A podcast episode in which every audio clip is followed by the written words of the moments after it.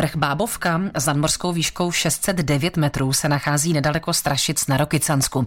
Nejen samotný vrchol Bábovky, ale i cesta k němu je zajímavá a už od samého počátku nám naznačuje název tohoto turistického cíle. Na Bábovku se s vedoucím muzea středních Brd ve Strašicích Tomášem Makajem vypravila naše redaktorka Kateřina Dobrovolná. Došli jsme ke stromu, na kterém jsou malé bábovičky a to nám tedy zřejmě napovídá, kudy se vydat na vrch Bábovka, je to tak?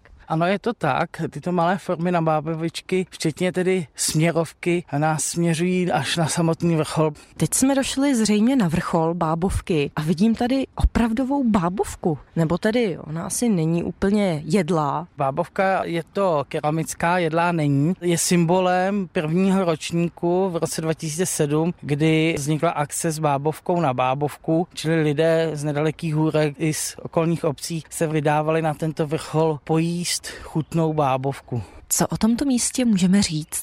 Vrch Bábovka představuje takový pomístní fenomén, není ani moc vysoký, jeho název Bábovka vlastně vychází z typického tvaru bábovky. Tento zajímavý název dostal vrch v 19. století. Z jedné strany tady máme krásné výhledy, kam vidíme? My máme tady takový zajímavý výhled na nedalekou obec Hůrky a poté vidíme přes Volduchy až na Radnickou pánev. Z Hůrek pocházela manželka pana profesora Josefa Hrabáka, který zakládal zakládal klub českých turistů, ale byl především důlním odborníkem a montanistou, který působil především na Příbramsku. On tady se svojí manželkou procházel, takže to okolí Bábovky velmi dobře popsal. Popsal tady některé železné doly a zapsal i některé zajímavé vzpomínky na to, jak to tady vypadalo. A vypadalo to tady stejně jako dnes? My dneska okolo sebe vidíme poměrně vzrostlý les, ale tehdy tady nebyl. Ty kopce byly odhalené a bylo to především z důvodu tedy té těžby železné rudy. Kdybychom se potom otočili na druhou stranu, tak bychom viděli Mirošovskou pánev, kde se těžilo černé uhlí. A to bylo právě v časech, kdy tady chodil i tento slavný montanista Josef Hrabák. Vrch Bábovka má ještě jednu takovou zajímavost, že ten jeho hořejšek, nebo dá se říct vrchol, je kryt duby. My o těch dubech víme ze zápisů ze 17. století, že dobříští chodili pásat do takzvaných světlých dubin. A opravdu ty světlé dubiny jsou tady pomálu do dneška, jsou krásně prosluněné a můžeme říct, že se jedná především o jižní svah, kde se vyskytují tyto zajímavé pokroucené duby, které se staly i námětem obrazů pro některé zdejší malíře. Zakončuje Tomáš Makaj povídání o vrchu Bábovka. Kateřina Dobrovolná, Český rozhlas.